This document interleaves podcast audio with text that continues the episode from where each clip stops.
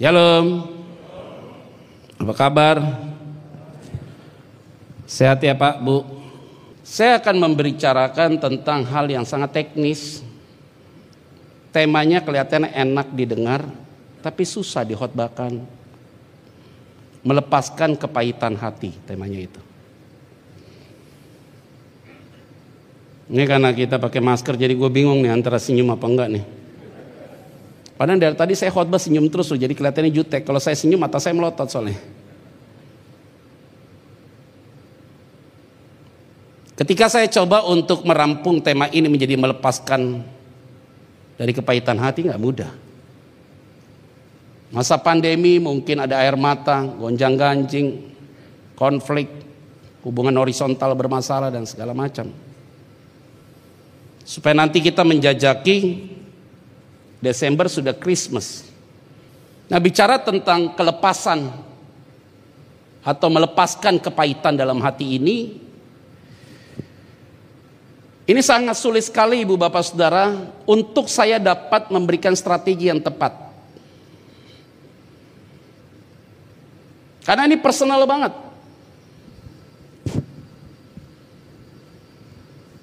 Semua orang pernah mengalami kepahitan. Sehingga kita tahu dulu poin di mana bisa kita memberikan sebuah treatment itu. Maka saya selalu bilang ada ruang konseling namanya. Ruang konseling itu biasanya pendeta disebut konselor. Yang memiliki sakit hati disebut konseli. Komunikasi antara konselor dan konseli disebut dengan konseling. Dalam ilmu psikologi begitu. Sehingga bagaimana kita dapat menyelesaikan masalah sakit hati orang kalau kita tidak punya pendekatan. Maka dalam ilmu psikologi, pendekatan konseling pastoral harus menerapkan dua, yaitu simpati dan empati. Apa itu simpati dan apa itu empati? Maka sebagai hamba Tuhan, saya harus memiliki dua hal itu, simpati dan empati. Kalau dianalogikan dengan bahasa teknis dan praktis itu begini. Kalian naik perahu, saya naik perahu sama-sama. Kita berlayar sama-sama, punya kompas sama-sama. Kompas menunjukkan ke arah barat. Ke arah timur lah. Waktu kita berjalan kelihatannya kita sama-sama. Tapi lama-lama kok kita dipisahkan. Kompas ke timur, saya jalannya ke timur. Sehingga orang yang kepahitan ini jalannya ke barat. Maka saya melihat saudara yang berjalan ini udah kacau nih. Karena kita lihat dari kompas itu akan terjadi badai. Sekian mil di depan ada badai. Kalau kamu lewat barat. Akhirnya saya itu harus punya simpati. Simpati itu apa? Kasihan mereka nanti kalau kena badai. Akhirnya saya dengan boot saya itu pergi untuk nemui kalian yang ada berjalan menuju ke arah barat. Itu namanya simpati. Ketika sampai di ketemu kita di arah itu, baru saya kasih tahu sama mereka, hei, you udah salah jalan nih. Aduh maaf, kompas kami rusak. Bot kami bocor, air sudah masuk di dalam.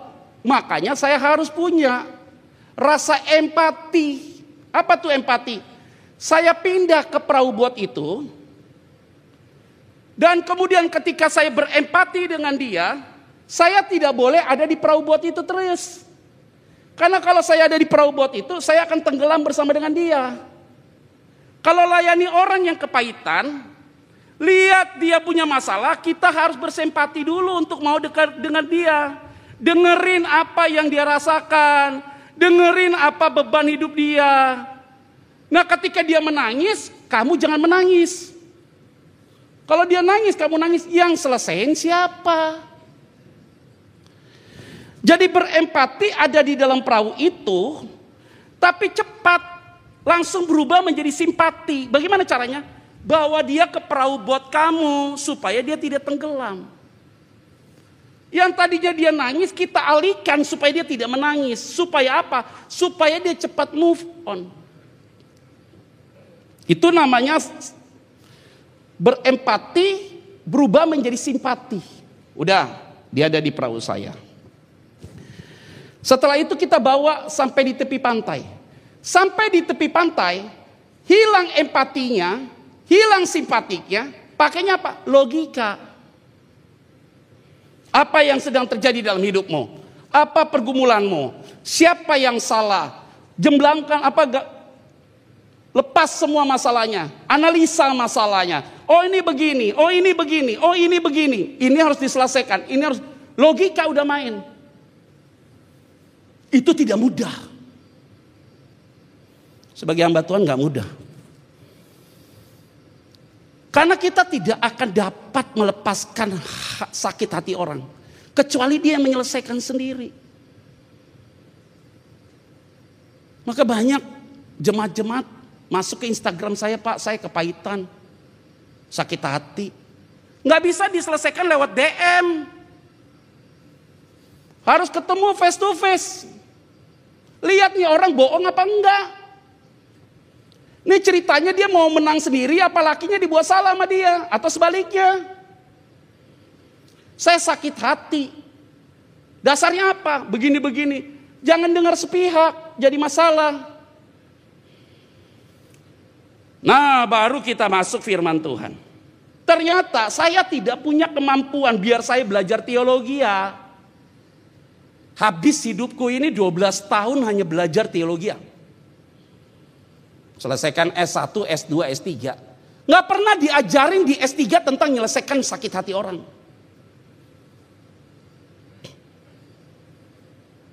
Karena ini beda. Pengalamannya beda. Akhirnya kita coba untuk menyelami di situ. Tahu masalahnya di mana, pergumulannya di mana, bebannya di mana, sebagai pelayan Tuhan kita ada di posisi itu. Suamiku meninggal pak. Orang tuaku meninggal, papaku dikubur hari ini, besok dikubur karena covid pak. Bagaimana pak? Tuhan di mana? Kan susah selesaikan masalah itu dengan seketika. Saya percaya sama dia pak, saya kasih surat kuasa, harta saya diambil di balik nama sama dia. Bagaimana menjelaskannya? Kalau tidak detil masalah itu selesai.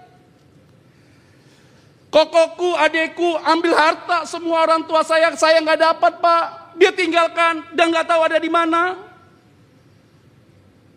Pacar saya dia bilang mau nikahkan saya, dia ambil perawan saya, saya tidak perawan lagi pak, segala macam. Dia kabur menghilang, seolah-olah dia sedang diangkat sama Tuhan Yesus. Gampang. Ini orang jujur pak, ternyata dia punya istri pak. Saya pikir dia masih bujang. Tapi saya sekarang hamil pak, dia nggak mau tanggung jawab. Tanya tukang ojek siapa yang tanggung jawab. Gak gampang saudara. Wow. Ngomong surga gampang, ngomong keselamatan gampang, ngomong roh kudus gampang, ngomong Yesus gampang. Pemulihan hati susah. Kendati dia pendeta sekalipun. Baru kita masuk. Ternyata, wow, ketika saya coba merenungkan firman ini, dapat poin khusus saya. Efesus pasal yang keempat, ayat 17 sampai 32. Tapi yang akan kita baca 31 32 nanti kita akan cari referensinya ayat 20 21. Saya akan memberikan poin-poin Saudara bisa catat atau saudara nanti catat sendiri, nanti ada lihat hasil catatan semua. Selesai sudah bawa pulang, saudara tinggal terapkan dalam hidupmu. Pasti semua akan mengalami pemulihan. Ada amin? Siapa di sini yang mau menjadi orang merdeka? Siapa di sini yang tidak mau lagi terikat dengan apa pun? Siapa di sini yang mau hidupnya hidup di dalam kelepasan daripada Tuhan? Berikan tepuk tangan buat Tuhan Yesus ya. Kayaknya yang live streaming juga harus ditanya ya. Tapi bagaimana dia ngangkat tangannya ya? Yuk kita buka Alkitab yuk. Efesus pasal yang keempat ayat 31 dan 32. Kita akan baca yuk. 31 dan 32.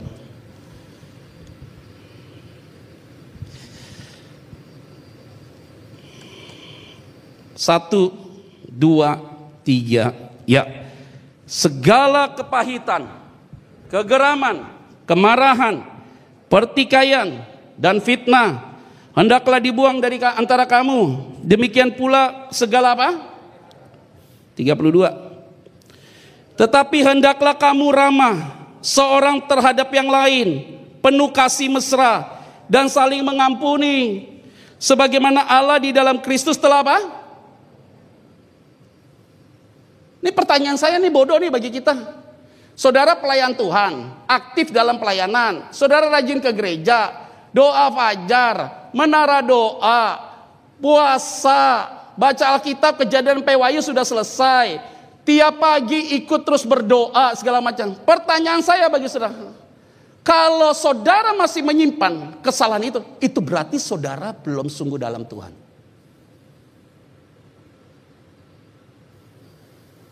Ukurannya bukan aktivitas rohani. Ukurannya adalah bagaimana engkau bisa melihat bahwa dirimu sungguh-sungguh sudah melepaskan kepahitan atau tidak. Itu dia poinnya. Ayat 20 itu dia poinnya. Yuk kita baca yuk. Ayat 20 kita akan baca yuk. 20. Satu, dua, tiga, ya. Tetapi kamu bukan demikian. Kamu telah belajar apa? Kalau kita semua yang hadir dalam ruangan ini, yang ikut live streaming, bukan hanya mengenal Yesus, tapi hidup di dalam Yesus. Bukan hanya hidup di dalam Yesus, tapi sudah diberikan karunia roh. Mungkinkah saudara menyimpan kepahitan? Kalau sampai mungkin menyimpan kepahitan itu berarti ada yang beres pengenalanmu dengan Tuhan. Maka semua yang hadir dalam ruangan ini, kalau engkau sudah mengenal Tuhan, saya mau sampaikan bagi saudara, tidak ada lagi kepahitan dalam hidupmu. Berikan tepuk tangan buat Tuhan Yesus ya. Ayo, sekarang kita belajar. Bukti kalau kita sudah mengampuni orang yang salah kepada kita. Yang pertama adalah kalau bertemu sama orang itu tidak menghindar. Itu tandanya.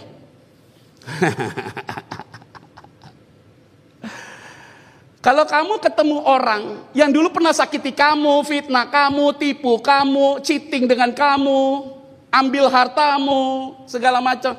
Terus kamu ketemu sama dia di Plaza Senayan, Senayan City, Plaza Indonesia, apa pun itu mall. Kalau kamu ketemu dia menghindar, itu berarti engkau belum mengampuni dia. Gampang aja.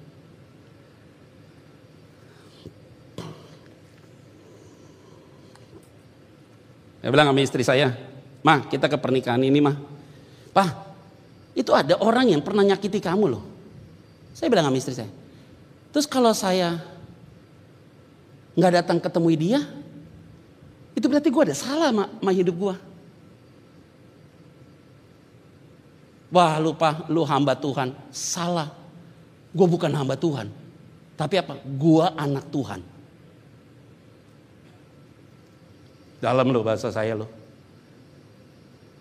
Untuk apa klaim hamba Tuhan tapi hidupmu tidak seperti yang Tuhan mau? Itu berarti kamu hamba Tuhan bukan anaknya Tuhan. Masa sih kita ketemu dia kita nggak mau tegur mah? Tegur dong. Belajar dari Yusuf. Yusuf punya hak untuk sakit hati. Saudara kandungnya, saudara tirinya, buang dia ke sumur. Jual ke suku Kedar. Dituduh berzina sama Tante Potifar. Dimasuki dalam penjara jadi penguasa di Mesir, orang kedua di Mesir, punya power, punya kebijakan, bisa mengontrol Mesir dengan seluruh dunia. Tapi hebat Yusuf. Lihat saudaranya susah datang, dia kenal saudaranya, saudaranya nggak kenal dia. Dia bilang apa sama saudaranya? Semua masuk ke dalam istana. Yusuf peluk mereka dan bilang apa? Aku Yusuf saudaramu yang kamu jual ke Mesir. Orang kalau hatinya nggak pulih, itu saudaranya selesai punya tuh. Coba kalau nggak pulih, telanjang semua, lari semua. Telanjang semua, push up semua. Dia suruh ajudan itu saudara-saudara gue tuh yang lempar tuh. Masuk ke dalam. Hei pak, kakak aja masalah harta bisa nggak ngomong loh. Orang tua bagi harta beda aja kita nggak mau ngobrol sama orang tua kita. Tapi saya yakin Apalagi yang live streaming. Banyak. ah. Kalau dia masih sakit hati, dia nggak lakukan itu. Kamu berbuat baik sama orang itu. Ketemu di mall, sapa dia loh. Saya temui dia di pernikahan. Anaknya teman saya pendeta. Dia sembunyi di belakang pondok kambing guling. Hampir jadi kambing dia. Kok dia nggak mau keluar dari situ? Sama keluarganya. Oh saya samperin saudara. Istri saya bilang, ngapain lu samperin? Kenapa mah? Wah lu hamba Tuhan. Gue bukan hamba Tuhan. Gue anaknya Tuhan. Gue mau ke sana. Taruh ketemu sama dia. Ngobrol sama dia. Muka dia hitam pak. Saya datang putih. Engkau taruh bara api di kepala orang itu pak, bu. Ngapain simpan kepahitan? Hanya masalah duit doang. Ah udahlah. Kita invest di sini dapat cuan, oke. Okay. Ada saatnya invest di sini nggak dapat cuan, rugi, oke. Okay. Pengkhotbah katakan ada saat yang kau mendapat untung, ada saat yang kau membiarkan dirimu rugi. Kalau kamu untung terus siapa yang rugi? Tukang beca, Pikir dong. Ada saatnya tabur, ada saatnya tuai, ada saatnya dapat untung, ada saatnya rugi. Itu hidup pak. Wow. Jadi apa yang harus kita lakukan? Ketemu sama orang itu, tegur dia. Requirement dalam tulisannya dia bilang apa? Kalau ada orang yang berbuat salah sama kamu, kamu cepat ampuni orang itu. Tapi kamu tidak dipaksa untuk mempercaya dia lagi sebagai as a friend. Atau as the best friend. Saya ampuni dia. Tapi saya tidak mau lagi menjadi sahabat dia. Saya bukan malaikat. Saya bukan Tuhan. Saya human being. Manusia. Nah sekarang masalahnya kalau kamu dengan istrimu, dengan suamimu punya kepahitan, tidak mau ngobrol. Wow, amazing. Ini dahsyat dan ajaib nih. Masih ingat gak janji nikah apa?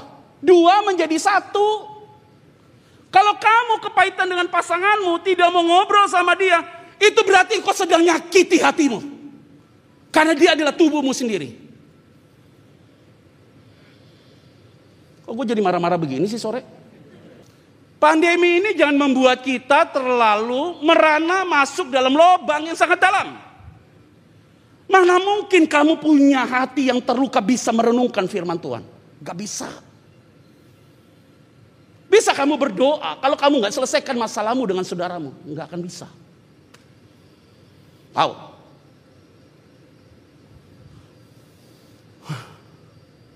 Tanda yang pertama kalau kamu sudah mengampuni, ketemu orang itu tegur.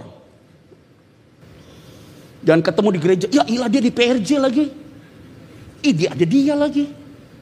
Pas lihat dia dalam nama Yesus. Oh kalau gitu gue pindah gereja, gara-gara dia gereja di situ. Come on. Aduh picik banget sih kita jadi anak Tuhan. Kelas kita beda pak, bu. Kalau begitu aja tersinggung nyimpen, eh sorry ya, kamu belum mengenal Tuhan. Kalau udah mengenal Tuhan gak begitu. Amin kan ya?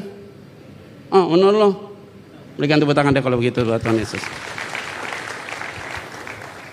Kalau orang punya kepahitan, penyakit muncul di mana-mana. Sakit inilah, sakit itulah, sakit inilah, sakit itu. Dokter juga bingung kenapa.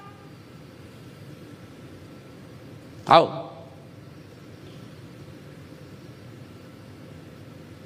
Yang kedua, bukti orang sudah mengampuni. Apa itu?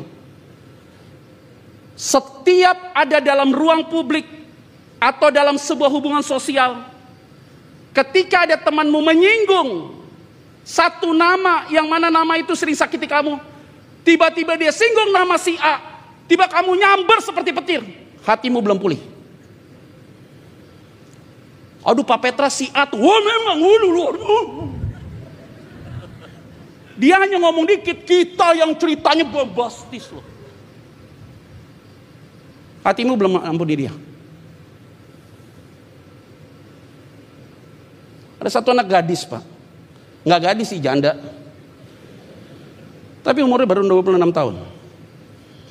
Sakit hati sama mantan suaminya luar biasa. Minum obat tiap hari, obat tidur tuh. Sanax tuh, obat apa pun supaya tenang. Saya bilang obat itu kamu minum besok naik dosis. You bisa masalah dengan psikologi dan kesehatanmu. Mukamu tuh masih cantik loh. Tapi muka itu lusuh sekali. Tidak ada cahaya yang keluar. Kalau saudara kan cahaya keluar semua nih. Walaupun pakai masker. Nggak tahu nih mulutnya pada ngomong apa. Jangan-jangan nih masker untuk pendeta norak banget. Kan kan nggak tahu.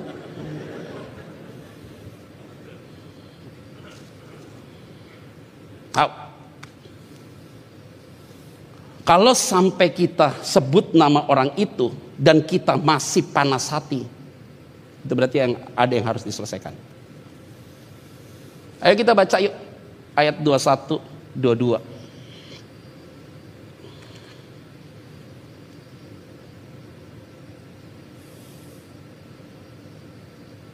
Sorry, sorry, sorry. Langsung lompat aja yuk. 26, 27. 26, 27 aja.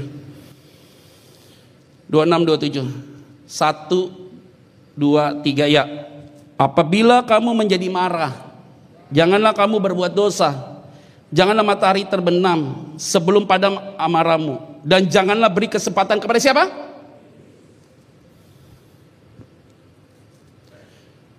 Sebut nama dia kamu marah. Iblis masuk. Hebat gak Daud? Saul itu iri sama Daud. Karena Daud itu diangkat, diurapi menjadi raja gantikan dia. Padahal anaknya Saul itu hopengnya Daud. Tiap hari di Uber Daud itu mau dibunuh. Daud lari dari satu tempat ke tempat yang lain karena dia mau dibunuh. Sama Saul. Tuhan bilang apa sama Daud? Daud, itu di belakangmu ada Saul itu. Itu pas dilihat Saul puncak, puncak jubahnya itu dari pegang, pakai pedang saudara. Itu bisa potong lehernya Saul langsung hari itu. Tuhan tuh kasih musuhnya di depan dia. Daud ngomong apa? Jangan sentuh dia karena dia adalah hamba yang diurapi Tuhan. Oh, itu orang rohani begitu.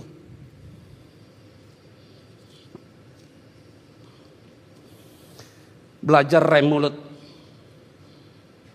Yang gak penting gak perlu diomongin. Yang penting diomongin. Yang penting hati kita gembira. Hidupmu diberkati Tuhan. Ah, 14 tahun saya nikah sama istri saya.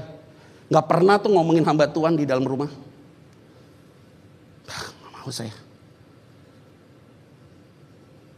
Sama hamba Tuhan, mau saya.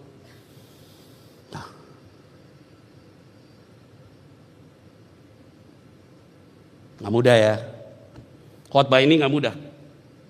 Tapi kita bisa lakukan. Kalau dua hal itu saudara tidak, artinya ketemu orang itu tegur, sebut nama dia, pas sebut namanya si A atau si B atau si X namanya. Pas sebut nama dia, padahal dia pernah sakiti kita, kita bilangin, oh tuh dia orang baik, keluarganya baik-baik, padahal dia tipu kita. Anaknya baik, dia juga baik, baik banget, baik banget. Hatimu pulih pasti bos, pulih. Pasti pulih.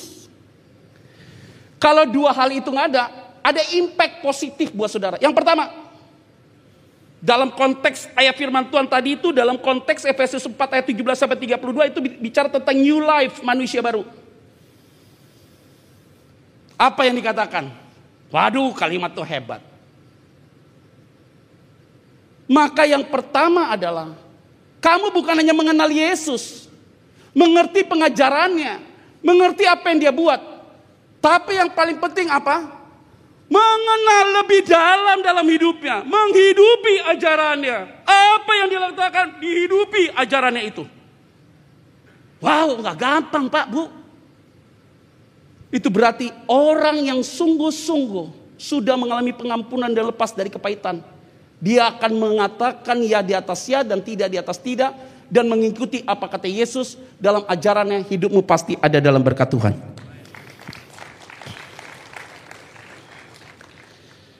Ada amin gak nih? Papa mama saya punya anak lima orang laki-laki. Sekarang papa saya usianya 90 tahun, mama saya 82 tahun. Kita anak laki semua. Saya nggak dapat warisan dari mereka. Kakak saya dapat, adik saya dapat. Kakak saya disekolahkan Amerika, adik saya disekolahkan Amerika, saya nggak disekolahkan. Saya sampai berpikir saya ini anak pungut. Dulu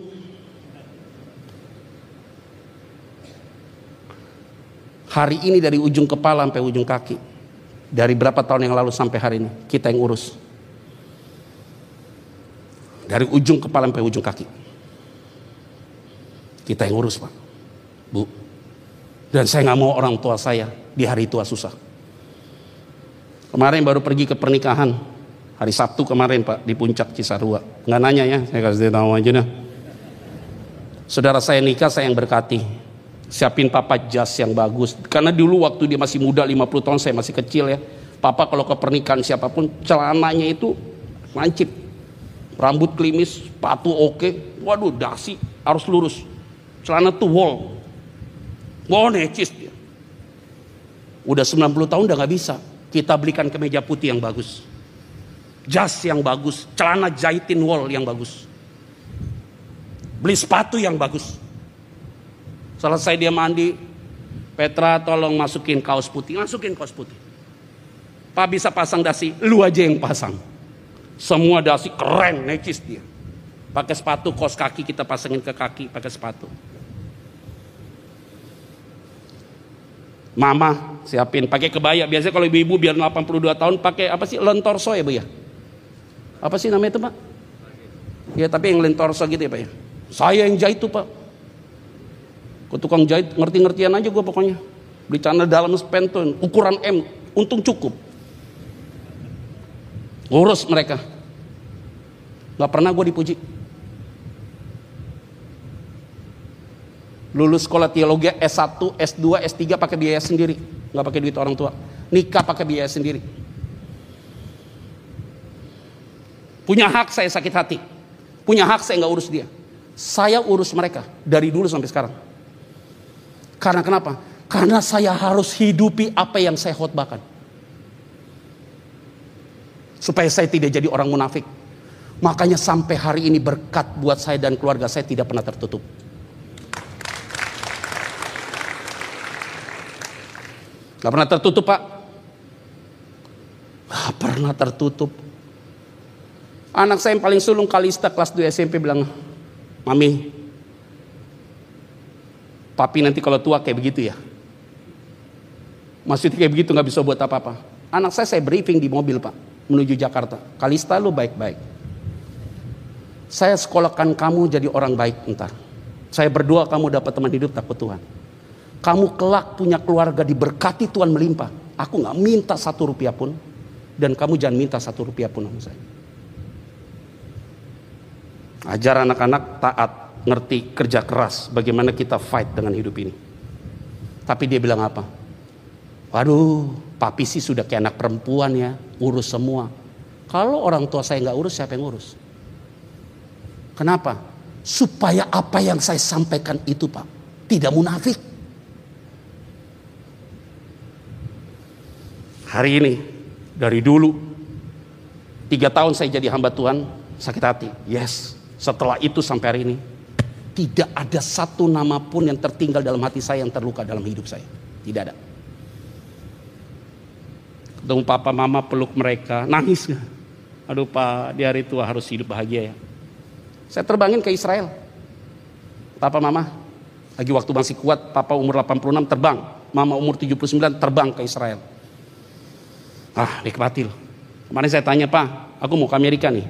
Tanggal 2, satu bulan. Mau ikut nggak? Terus siapa yang bawa kursi roda? Ah udah di Indonesia aja kalau gitu. Nah, sampai hari ini berkatku nggak ketutup. Di masa pandemi aku nggak tertutup berkat itu. Nggak akan pernah saudara kalau hatimu pulih itu Tuhan tutup berkatmu. Tidak mungkin. Ada aja berkat dari Tuhan yang Tuhan berikan buat saudara dan saya. Kalau engkau simpan sakit hati, berkat yang kamu ambil tidak ada rasa apa pun. Orang bisa ketemu sama saya dari Papua, nggak tahu jemaat dari mana. Pak Pendeta ada di mana? Ada di Bali. Oh kita datang ke sana ya Pak Pendeta. Iya. Orang Papua Pak nggak tahu jemaat di mana. Ketemu sama saya, dia tinggal di Villa Mulia Nusa Dua, ajak makan saya sama istri saya makan malam, duduk. Pak Pendeta, Pak Pendeta butuh apa? Apa yang bisa saya bantu? Pertanyaannya enak tapi susah dijawab. Terus saya harus butuh apa? Saya nggak mungkin bohong sama dia untuk kebutuhan hidupku. Orang Tuhan sudah cukupkan.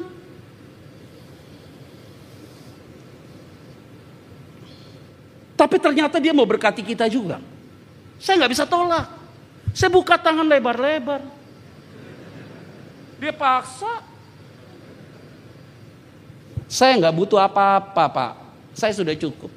Bapak doakan saya, saya dan istri sehat, urapan ada terjadi, hikmat diberikan, supaya pelayananku punya dampak di area online hari ini. Gitu aja saya bilang. Hati kalau pulih, ikuti ajaran Yesus. Tidak ada lain.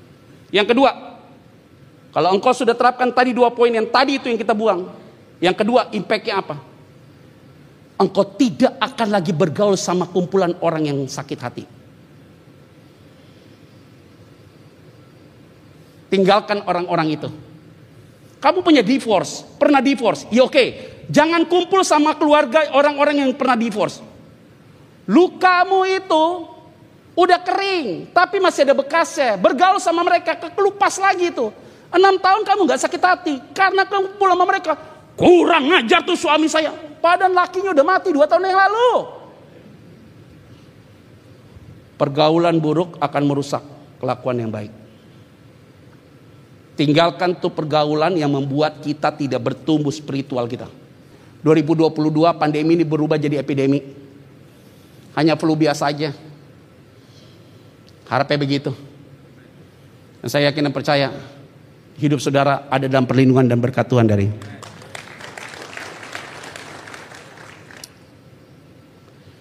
Ada amin? Wow.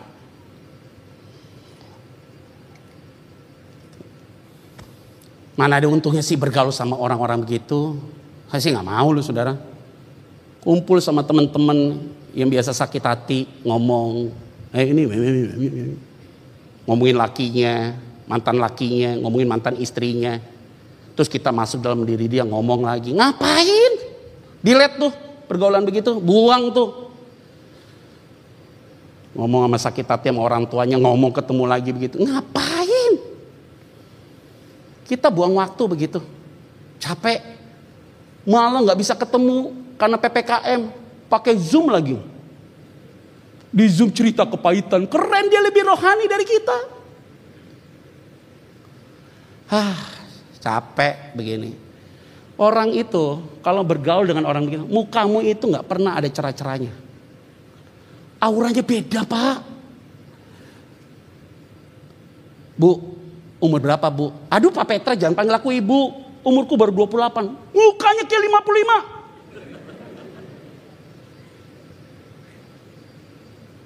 Orang juga sekarang bilang sama saya, Pak, lu udah mulai tua ya, kenapa? Ada uban. Saya nggak mau semir, Pak. Uban itu kan mahkota.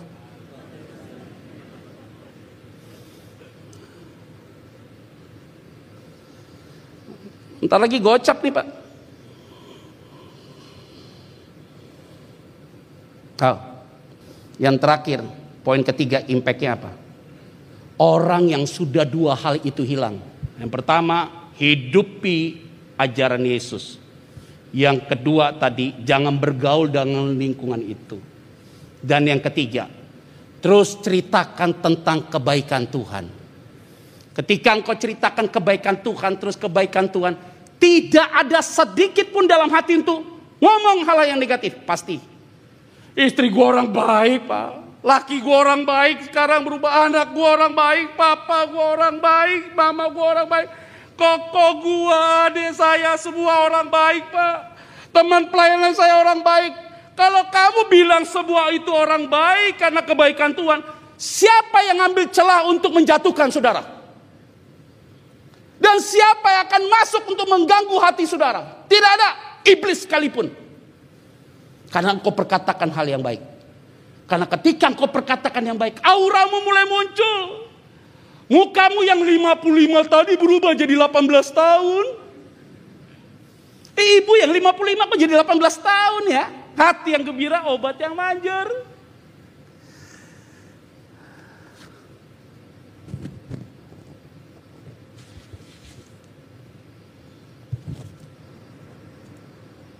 Buka masker nggak boleh ngomong. SOP-nya begitu. Nah. Nggak usah diajar lagi sekarang. Pulang dari tempat ini, stop untuk mendengar, banyak untuk melakukan. Bukan pegang perkataan saya, perkataan firman. Tidak pernah orang yang hatinya sudah dipulihkan Tuhan, berkatnya ditutup oleh Tuhan. Berkat dibuka, penyakit jauh dari dia, hidupnya penuh dengan kemerdekaan.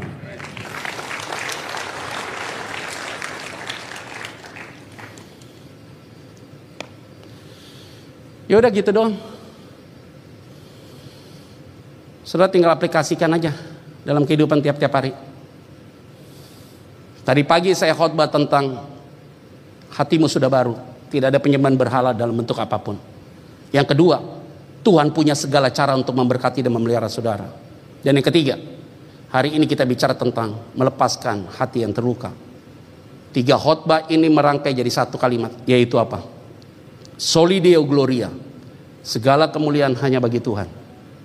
Hari ini hanya Tuhan yang ditinggikan, tidak ada yang lain. Maka di dalam setiap doa saya menaikkan atas mimbar, sembunyikan aku di belakang salibmu. Biar salibmu yang terus terpancar. Biar aku di belakang tetap ada dalam urapan Tuhan. Sekali lagi, selamat hari Minggu buat saudara yang hadir.